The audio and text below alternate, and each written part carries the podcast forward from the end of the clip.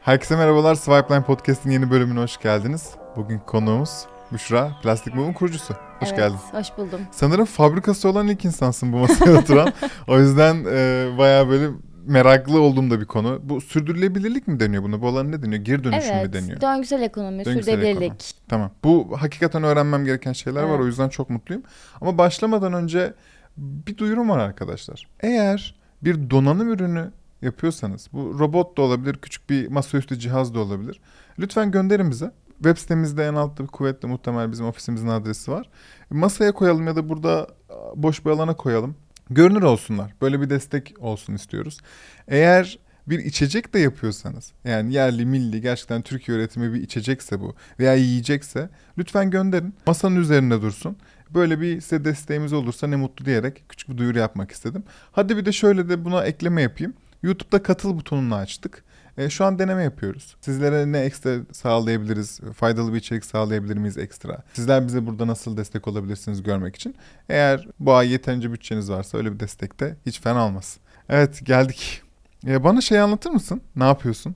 Anlatırım. Ee, biz plastik mumla nişasta bazlı tarımsal ve gıda atıklarından biyopolimer üretimi gerçekleştiriyoruz. Hı hı. Bu biyopolimer de aslında sanayide petrol bazlı plastik kullanımını %60'a kadar azaltıyor. Yani örnek vermek gerekirse biz işte bir çatal üretilmesi için bir ham madde üretiyoruz ve bu %60 aslında biyo bazlı bir ürün oluyor. Şey nişasta bazlı dediğimiz neler var mesela? Bunun atık hepsi atık mı ekmek, bir de? evet Hı. aynen atılan madde, atık ekmek, e, atık un, atık makarna gibi nişasta oranı yüksek aslında her ürüne çalışabiliyoruz. Burada ekmeğin türü de fark etmiyor bu arada. Hı hı. Hamburger ekmeği, tost ekmeği ya da unun türü de aynı şekilde burada fark etmiyor. İçerisinde nişasta olması yeterli oluyor bizim Aa, için. çok garip. Şimdi sorular hemen geliyor. Bir de biyopolimerin ne olduğunu merak ediyorum. E, biyoplastik aslında nişasta veya selüloz bazlı üretilen bir e, ürün olduğunu söyleyebilirim. Biyoplastik şöyle onlara farklı aslında şeyler var, türleri var. İşte biyobozunur var, biyobazlı var, kompostlanabilir var vesaire gibi. E, nişasta zaten kendi başına biyopolimer olarak geçiyor kimya alanında. Ama benim kullandığım aslında kelime anlamı endüstriyel bir biyoplastik olması ile ilgili. E, Twitter'da şey yazdın. E, 15 yaşında bir hayal, e, Evet. şimdi 10 milyon dolar değerinde bir şirket. Bir zaman makinesi olsaydı da gidip lisedeki Büşra'ya anlatabilseydim. Bu 15 yaşından beri olan bir Evet. fikir mi yani? Bana anlatsana o yani 15 yaşında sen neden böyle bir şey dert ediyorsun?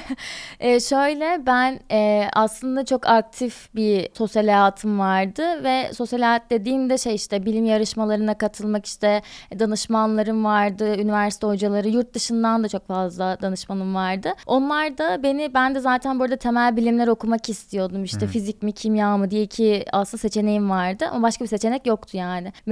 Mühendislik de değil mesela fizik mühendisliği falan da vardı. Ben hayır temel bilimler okuyacağım ve akademisyen olacağım diyordum aslında. Böyle de olunca danışmanlarım hep kendi konularına yönlendiriyorlardı beni. İşte birisi malzeme çalışıyor, diğeri foton çalışıyor vesaire. Böyle de olunca dedim ki yani herkes beni kendi konusuna yönlendirmeye çalışıyor. Zaten hayatım bir konu üzerinde çalışmakla geçecek muhtemelen üniversitede ve işte sonrasında akademide. O yüzden şimdiden neden kendi konumu bulmuyorum ki yani niye zaman kaybediyorum? Çünkü bağımsız konular e, baktığın zaman. Sonra ben işte araştırmaya başladım. Dedim ki yani bir konu bulmam gerekiyor. Onun üzerine araştırmalar başlayayım, derinleşeyim. Sonra Lisedesin. Evet. Bu arada ama şeyden de çok etkileniyorum. O zamanlar işte birisi Avrupa'da işte Türkiye'den Nobel Fizik ödülünü kazanmış vesaire. Diyorum ki o da lisede yani nasıl yaptı falan. o yüzden şey bana çok böyle imkansız bir şeymiş gibi gelmedi. Zaten yurt dışında da öyle. Ee, oradaki hocalarım da bu bakış açısında olduğu için bende de hiç şey olmadı yani. Hani ben daha lisedeyim daha bir üniversite sınavını kazanayım. Bunlar işte boşuna zaman kaybı, test çözeyim vesaire gibi bir aslında mindsetim olmadı. Sonra araştırmaya başlayınca aslında sosyal problemler de önüme çıktı ama ben sosyal problemler üzerine değil daha çok bilimsel bir problem üzerine çalışmak istedim. Sonra malzemeler kısmında plastik çok ilgimi çekti. Plastik çalışıyorum. İşte bir 6-8 ay plastikler hakkında okuma yapıyorum. Nasıl bir malzeme vesaire. Ve orada tabii şey e, plastik kirliliğinden çok plastiğin ne kadar iyi bir malzeme olduğundan aslında ucuz olduğundan ve insan hayatını işte ömrünü arttırdığından falan bahsediyorlar. Ama diyorum ki "E, bu plastik kötü bir şey değil miydi yani hani falan diye böyle zararlarını araştırmaya başladım. Sonra biyoplastiklerle tanıştım. İşte plastik yerine biyoplastikleri kullanırsak böyle böyle olur gibi faydalarını okumaya başladım. Sonra ama derinleştikçe bir baktım ki biyoplastikler aslında çok kötü malzemeler. Yani ya- şu anda üretilen biyoplastikler işte mısır tarımı yapılarak, şeker pancarı tarımı yapılarak üretiliyor. Yani bunun için siz tarım arazisini harcıyorsunuz, ekiyorsunuz, biçiyorsunuz, işte petrol harcanıyor çünkü tarım araçlarıyla işte sulama yapılıyor vesaire. Ortaya çıkan ürünün nasıl üretildiğini baktığımda da çok verimsiz bir üretim var. 6 ton işte patatesi üretiyorlar. 1 ton e, işte biyoplastik üretebiliyor Hmm. 6 ton patatesten.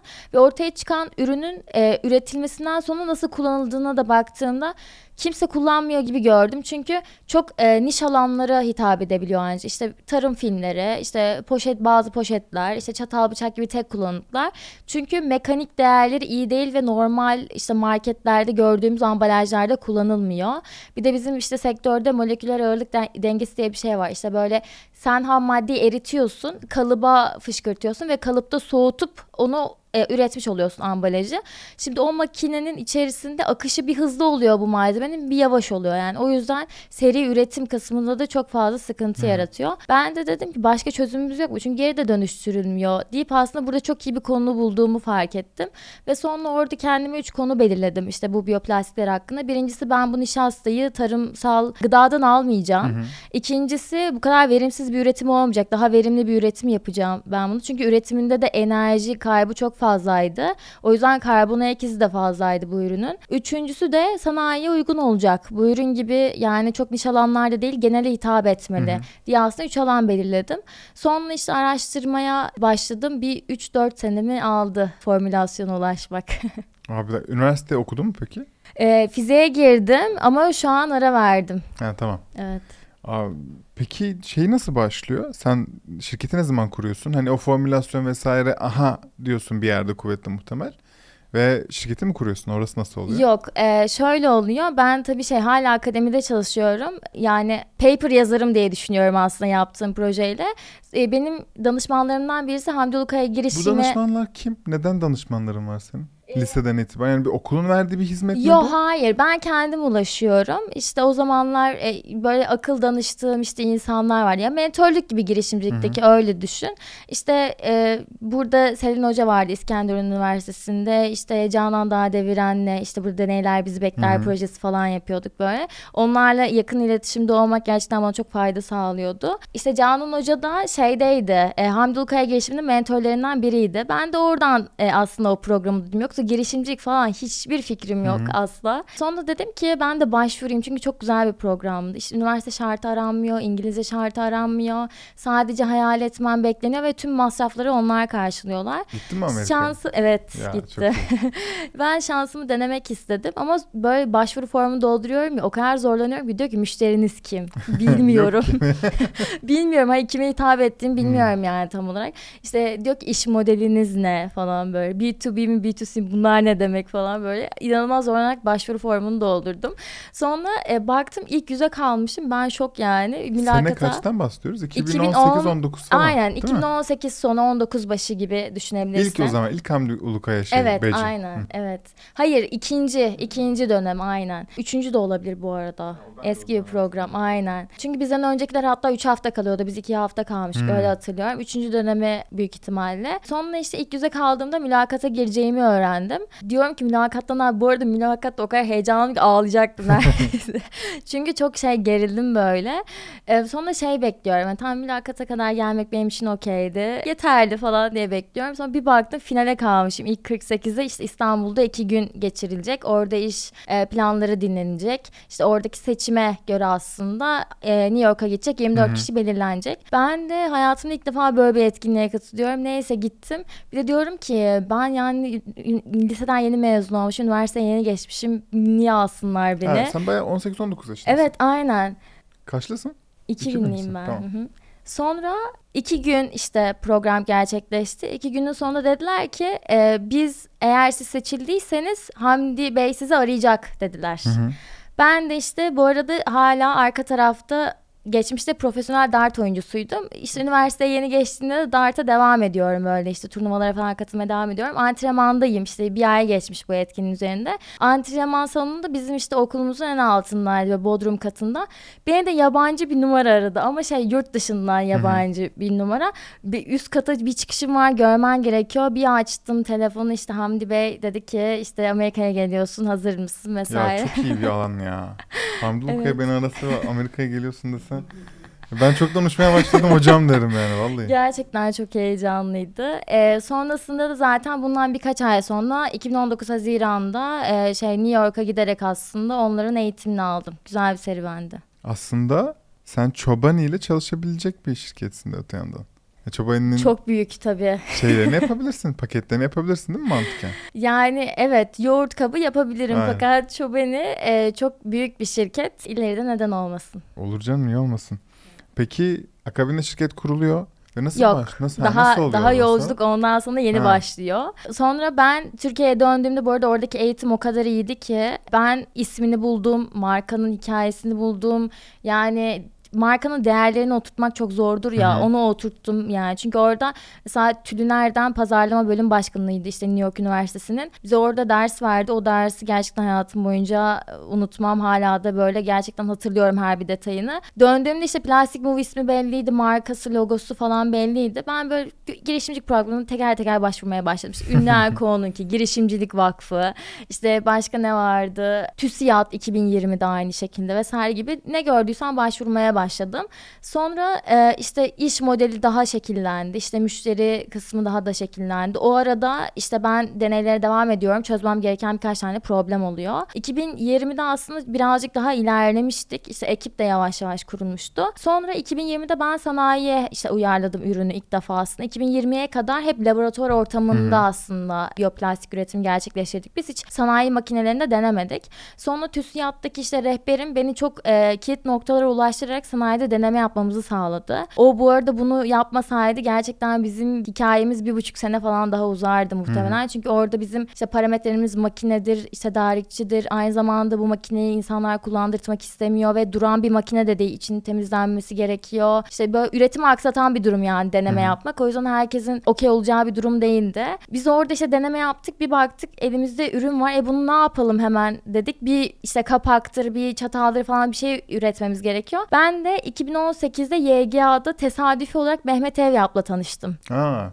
Evet. O da çok etkilenmişti bu arada işte atık ekmeklerden nasıl plastik oluyor vesaire diye. Sonra ben de konuşuyorduk. E, Ben Mehmet Bey'i hep gidip görüyordum. Dedim ki Mehmet Bey yani sizin kapaklarınızı basalım mı? E, dedim hani böyle denemeye hazırız artık. Sizin işte ürünlerinizi deneyelim mi diye. O tabii ki dedi. Beni hemen işte tedarikçiyle iletişime geçirdiler ve biz ilk defa Sarten ambalajda orada tanıştık. Sarten'den ambalajla? Sarten ambalaj. ha bu bir marka şirket. E, Ha. aynen Türkiye'nin bu arada en büyük üreticilerinden birisi bir de Avrupa'nın da en büyük üçüncü ambalaj üreticisi bu arada. E, onlarla işte deneme yaptık biz. Gayet de işte ürünlerimizi ürettik. İşte ışıl sabunların kapağını bastık. İşte bunu yayınladık vesaire. İlk denememizi onlarla yaptık diye.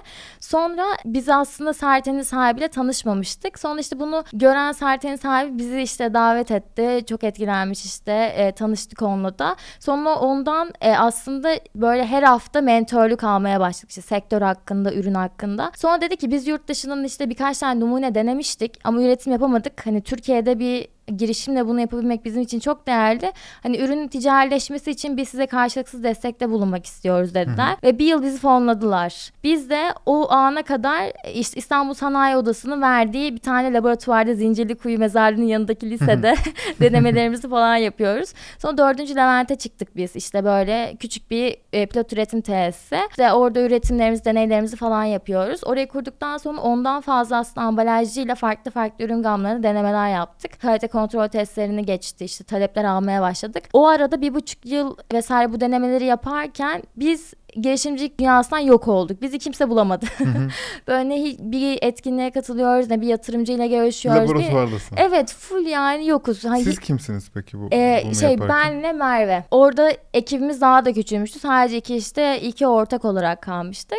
Sonra işte denemelerimizi yaptıktan sonra dedik ki artık hani talepleri almaya başlıyoruz. Yavaştan bir yatırımcı görüşmelerine başlayalım diye düşündük ama aksiyona geçmedik. Sonra bizi biri şu anki lider yatırımcımız Kerim Kotan'la tanıştırdı. O da sürdürülebilirlik odağında girişimler arıyormuş. Sonra biz işte Kerim'le tanıştık. Kerim dedi ki ben ilk turu lead edebilirim dedi.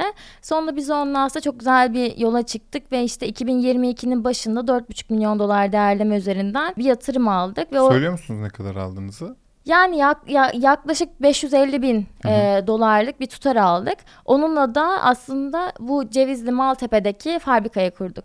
Heh, siz sıfırdan bir fabrika mı kuruyorsunuz? Evet. Oradaki sistem nasıl oluyor? Çünkü e, bu üretim olan bir iş ve benim de pek bildiğim bir alan değil.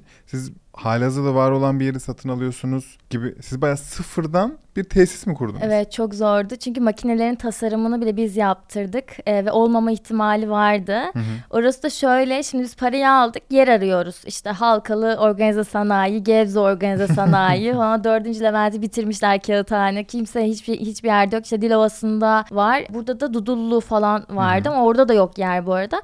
Bir de ülkenin üretim şeyi çok garip yani ya çok atölye tarzında yerler var ya da Ya da böyle çok büyük, büyük, dev evet, Evet. hiç orta segment yok asla. Biz de dedik ki biz hani Gebze'ye gidemeyiz yani öyle bir durumumuz yok. Küçük bir ekip olacağız. Kimse Gebze'ye git gel yapamaz. İşte Halkalı'da da aynı şekilde yani buradan kim Halkalı'ya gidip gelecek? Biz o yüzden merkezi bir yer bulalım dedik. Bulamadık bu arada. Gebze'de de aynı zamanda çok yüksekti kiralar. Dedik Hmm. ki yani zaten e, yatırımın yüzde kaçı buna gidecek ne gerek var yani çok riske girmiş olacağız. Sonra biz e, işte network'ümüzden birilerine sordurmaya başladık. Sonra network'ümüzden bir yer bulduk. Şu anki yerimiz işte 10 yıldır boş. İşte baba yadigar bir yer. Eskiden de otobüs kapıları üretiliyormuş. Hı hı. Orayı işte biz size verebiliriz ama burası yıkık dökük ne yapacaksınız falan dediler. biz de bir girdik dedik ki evet bahçesi bu arada çok güzel. Belki fotoğraflardan birazcık görüyorsunuz böyle işte Tabii, çok tabii. yeşillik Hı hı. falan bir yer. Orası zaten Ne o kadar ailenin büyük bir alan? ya toplam alanı 2500 Dönüm değildir. metrekare aynen. Karedir değil mi? aynen. Dönümü iyi çünkü.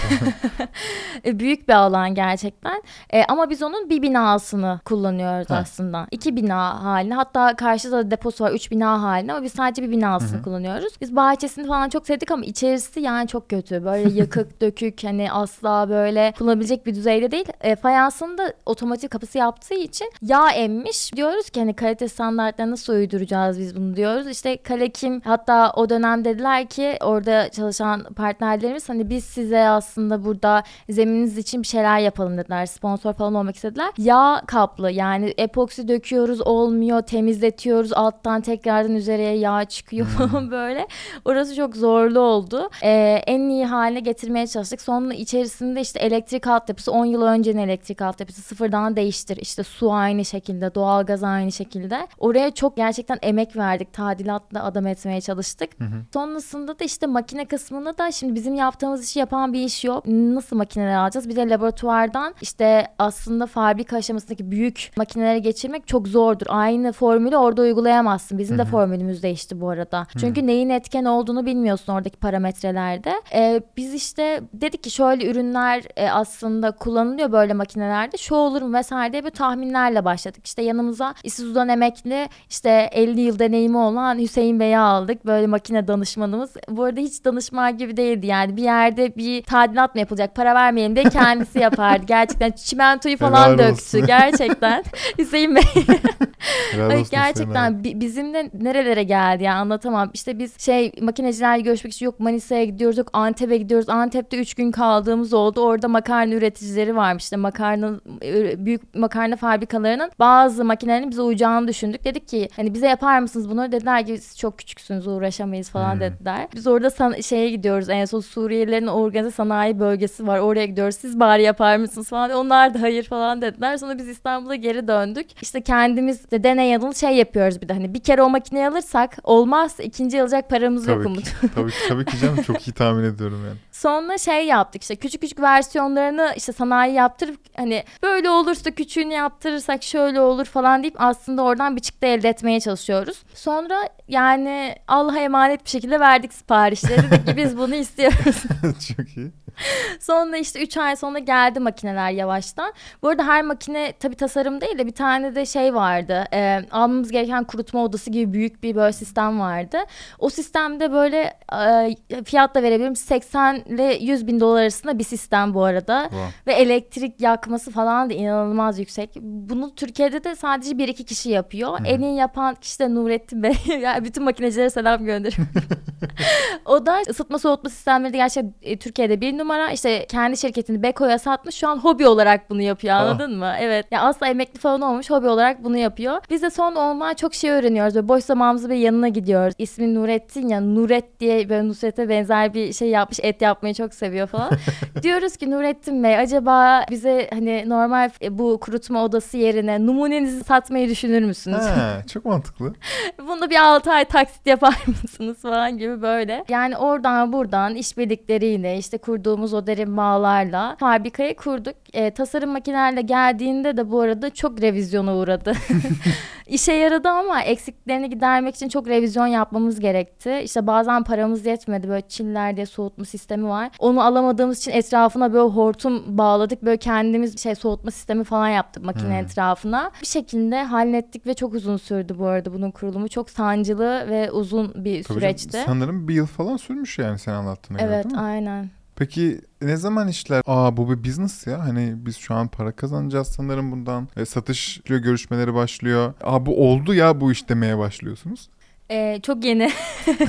Bu arada çok yeni. Ya satacağımızı hep çok iyi biliyorduk. Fakat şimdi sektöre çıkmadan önce sektörün dinamiklerini anlayamıyorsun. Bir Tabii sat- fatura kesene kadar anlayamıyorsun. O fatura nasıl öncesi kesiliyor. zaman Evet. planlama. Evet, böyle aynen. olur böyle olur. Senaryolar bunlar ama işin içine dalınca daha farklı neler olduğunu görüyorsun. Pazar dinamiklerini de aynı şekilde görüyorsun. Biz mesela şeyi fark edemedik. Biz şimdi bizim üretim işlemimizde bir kısmını outsource ediyoruz. Üretim partneriyle. Buna fason işçilik demiyoruz çünkü orada da onların bir katma değeri oluyor. O yüzden üretim partneriyle olan kısmın bizim satış kapama süremizi bu kadar uzatacağını e, düşünemedik. Hmm. Çünkü bizim deneme yaptığımız aslında firmalar hızlılardı. Yani bize hemen e, istediğimiz üretimi yapıyorlardı. Fakat biz onlarla devamlı çalışamadık çünkü kalitelerini beğenmedik. Kalite kontrollerini aynı şekilde beğenmedik. E sonra daha iyi firmalar bulunca bir baktık bunların termin tarihleri çok uzun. Seni önceliklendirmiyorlardı. Çünkü aslında küçük bir parsel bir şey Evet, istiyorsun. ya dolu oldukları için bu arada önceliklendirdiği de oldu. Fakat adam sürekli numune makinesine de normal makinesine de müşteriye çalışıyor. Yani müşteri numune de olsa müşterinin başka bir ürünü. Biz benim gibi yeni bir ürüne çalışmıyor. Ben yani bir sürü ham madde denetiyorum. O parametre denetiyorum, bu parametre denetiyorum ve her seferinde şey gibi düşün. İşte onlar şeffaf plastikte, beyaz plastikte, siyah plastikte falan çalışıyor. Çok renkli çalışan bir firma değil. Ee, ben ama renkli çalışıyorum. İşte durmadan e, renk öncesi temizlik, ara verme. Onlar da durabilen makineler değil yani dur- e, duruyorlar fakat verim düşüyor ya da Tabii maliyet artıyor Gün gibi. Sana saniye bazlı para kazanan mantıkta yani. Bir, bir üretimhane burası. Bir bant var ve Evet. orası durmaması lazım senin para Evet. kazanman için. Aynen öyle. O yüzden biz onu tahmin edemedik. Sonra bizim satış kapama sürelerimiz uzadı. Şimdi ilk başta şeye güveniyorduk. İlk daha tesis kurulmadan önce yaptığımız denemelere güveniyorduk. E, Şey dedik zaten biz hani tesis kurmadan önce deneme yaptık. Şimdi daha kaliteli ürün üreteceğiz. Oradaki üretimi okeyliyorlarsa direkt sipariş verebilirler falan dedik. Hiç öyle olmuyormuş. Durmadan firmalar şeyi test etmek istediler. Hani büyük üretimdeki ürün nasıl bir ürün? Siz işte bir kere verdik oluyor. Üç kere daha verin kalite standartını uydurabiliyor musunuz gibi testler oluyor.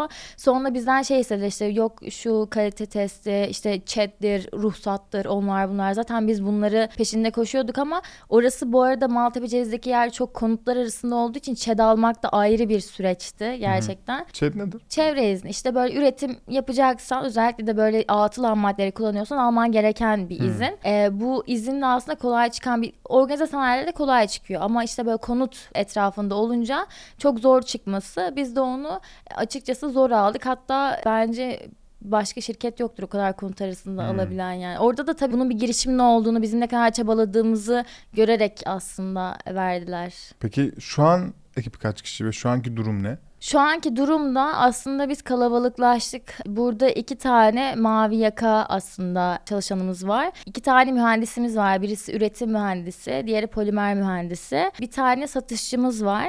Bir tane C-level bir stratejide çalışan Yeşim Hanım var. Onun dışında bir ARGE müdürümüz var. Tolga Hoca. O da zaten sektörde çok bilinen birisi.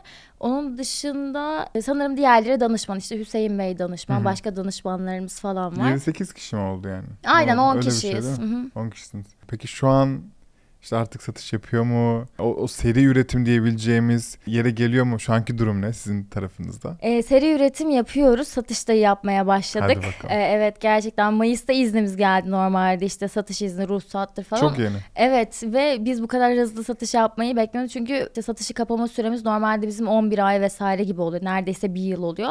Revize yiye- yiyebiliyor çünkü işte ben maviden vazgeçtim sarı istiyorum ya da şöyle bir özellik daha da yukarıda bir değerde istiyorum vesaire gibi.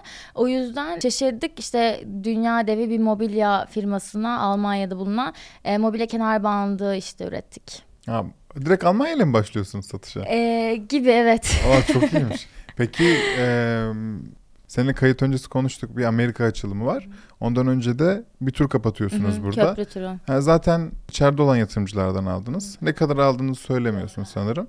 Onu onu sadece Amerika için mi alıyorsunuz yoksa hızlıca burada birkaç satış yapalım sonra Amerika'ya gideriz? Amerika'daki traction arttırmak için yani Amerika'ya gittiğimizde daha fazla ciro ve traction gösterebilmek için Hmm. aslında o işte bahsettiğim makineyi içeriye dahil edeceğiz dışarı işçilik yaptığımız bir de işletme sermayesi yani şimdi kimyasal ham madde alıyorum yurt dışından getiriyorum burada alıyorum bu üretimi yaptırıyorum sonra satış yaptığım için benim işletme sermayesine ihtiyacım oluyor o yüzden daha fazla ciro elde etmek istiyorsam daha fazla işletme sermayesine ihtiyacım oluyor. Tabii canım. Peki neden Amerika? Biz onun çalışmasını yaptık ben de şok oldum Avrupa çıkmasını bekliyordum ben de açıkçası. Avrupa bekliyordum.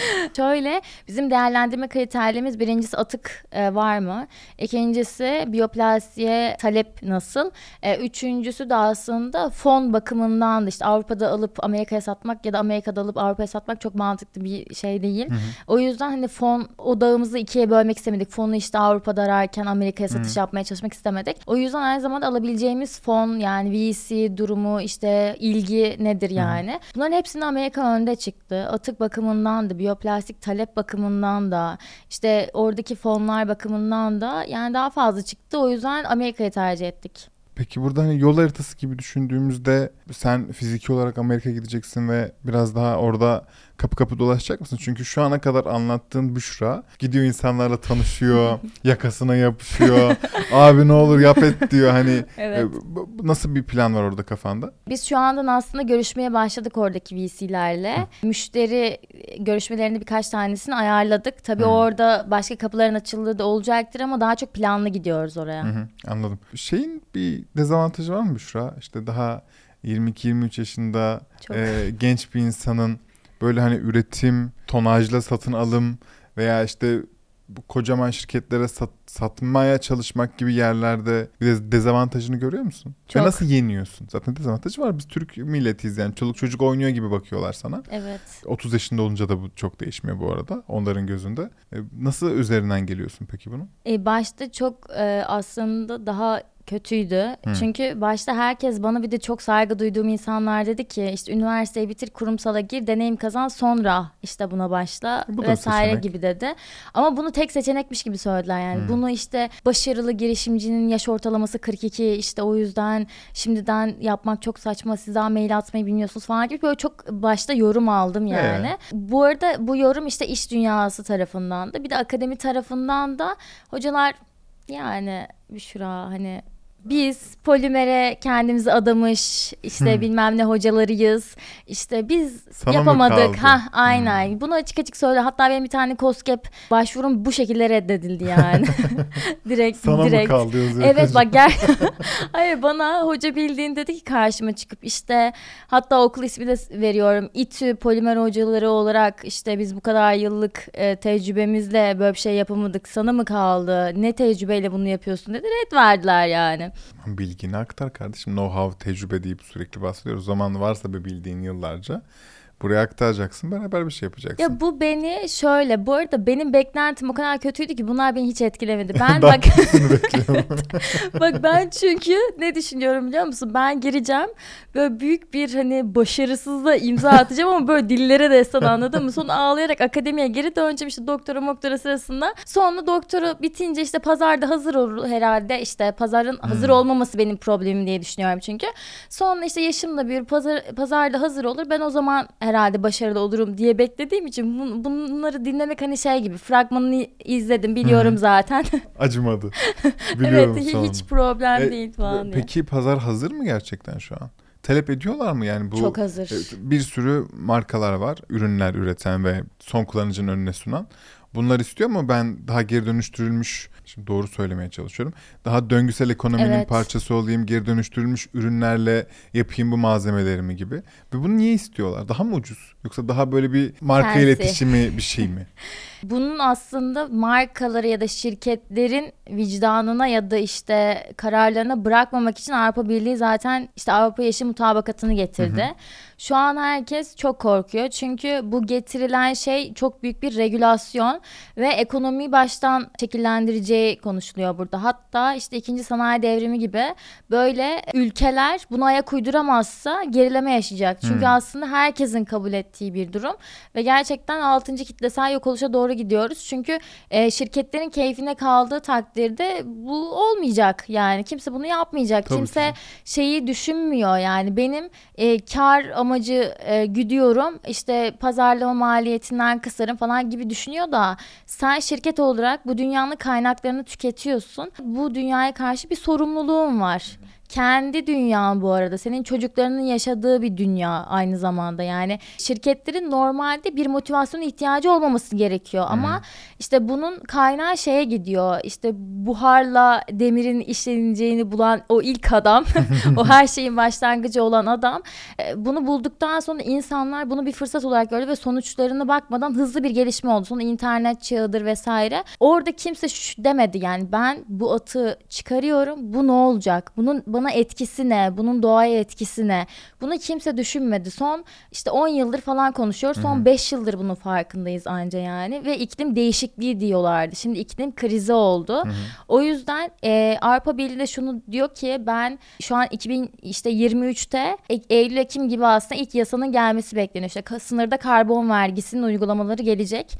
2026'ya kadar sana bir alışma süreci veriyorum. Uyum sağlama süreci veriyorum. 2026'dan 2030'a kadar ben Avrupa Birliği olarak karbonu azaltmayacağım. Sadece karbonu yakalayacağım ve karbon nötr olacağım diye çok büyük bir iddiada bulunuyor. Ve bu e, zaten hedefe ulaşmak için de çok büyük yaptırımlar getiriyor. Ama şu an yaptırım getirmemizin sebebi, sebebi şirketlerin gerçekten çözümünün olmaması. Çünkü geri dönüştürülmüş ham maddenin şöyle bir sıkıntısı var. Teknik detaylara gireceğim ama her seferinde aynı malzeme gelmiyor Umut. Ee, Standart yok aslında değil mi yok. Çünkü evet geri dönüşümün içine ne kattığınızı bilmiyorsunuz yani gelmiyor. Gıdada kullanılmıyor çünkü yasak. Ambalajda da çok tercih edilmiyor. Çünkü içerisindeki farklı kimyasalların zehirli kimyasalların insana geçme aslında durumu var. Ve zaten karbon ayak izi de normal petrol bazlı plastik üretmekle neredeyse eşdeğer. O yüzden öyle bir çıkmazdayız. Biyoplastik kısmındaki zaten eksikleri söyledim. O yüzden e, çözüm olmadığı için çok böyle baskı yapamıyor. 2026'ya kadar yavaş yavaş e, aslında bu yasalar gümbür gümbür kapımızda olacak. O zaman size bel bağlıyoruz gibi anlıyorum. Sen ve senin gibi insanlar yaş fark etmeksizin e, bu yeni teknolojileri, yeni çözümleri sunacak ki e, biz daha sağlıklı bir dünyaya mı kavuşacağız ya da işte bu, bu krizlerden kurtulacağız umarım. Eline sağlık. Teşekkür ederim gelip anlattığın için. Ekstra söylemek istediğim bir şey yoksa kapatacağım. Hayır yok. Tamam. Çok teşekkürler. Ben biz teşekkür ederiz gelip anlattığın için. Yatırımı da kutlarız. Amerika'yı da yazmak için sabırsızlanıyoruz oradaki başarıları yani. Sevgili dostlar sağ olun izleyip dinlediğiniz için. Bu güzel bölümlerimiz devam edecek. O şeydeki hatırlatmayı, baştaki hatırlatmayı yapayım çok hızlı şekilde. Eğer bir donanım ürününüz varsa masanın üzerine arkaya lütfen koyalım. Bilabedel hani bir görünürlük sağlayabilmek adına e, çorbada bizim de tuzumuz olsun diye. Eğer bir yiyecek içecek markanız varsa keza aynı şekilde masaya koyalım. Bir bilinirlik, görünürlük sağlayabiliriz bir çorbada tuzumuz olsun diye. Son olarak da bir katıl butonuna tıklayın bakayım ne oluyor. Orada bize ne kadar destek olabiliyorsunuz görelim. Kendinize çok iyi bakın. Bir sonraki bölümde görüşürüz.